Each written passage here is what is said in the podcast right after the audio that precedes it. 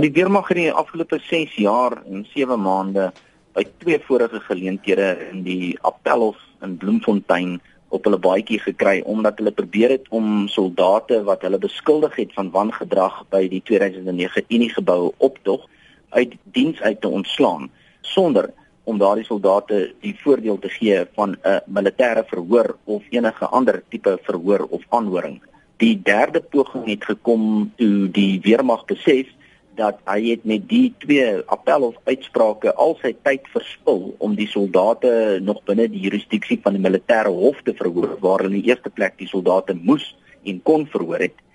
en hulle toe gepoog om die soldate soos 'n gewone siviele werknemer te verhoor in 'n dissiplinêre verhoor voor 'n uh, afgetrede regter Sandile Nobo.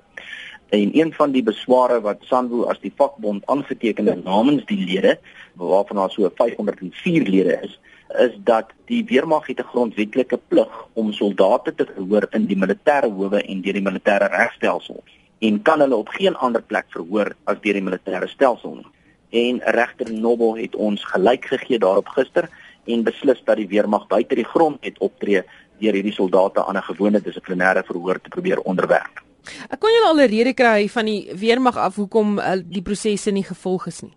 Nee, die weermag se redes deur die jare het verskil. Die eerste rede wat destyds geopper is in Hooggeregshof aangeleenthede deur voormalige minister is eh, Sulu was dat dit sou te lank neem om die saak deur die kriminele regstelsel te laat verhoor. Die tweede rede wat aangevoer was is dat die tweede keer toe die weermag op sy baadjies kry in Appelhof is dat hulle lede probeer ontslaan deur blote naamlyste te publiseer in die groot koerante in Suid-Afrika omdat hulle hulle eie lede nie kan opvoer waar hulle woon om hulle op verhoor te plaas nie. En die derde rede wat natuurlik aangevoer was is dat aangesien hulle nou die militêre hof se jurisdiksie tydperk van 3 jaar na die pleeg van 'n misdryf misgeloop het om die soldate te verhoor, kan hulle nou op enige ander manier die soldate probeer verhoor. En dit is natuurlik hierdie derde poging wat nou gister skibreek gelei het. Intussen gaan ons nie gevoude hande sit nie. Ons gaan definitief begin stappe neem om ons lede na 6 jaar en 7 maande terug te kry by die werk en ons gaan verseker regstappe teen die weermag neem vir loopbaanstagnasie.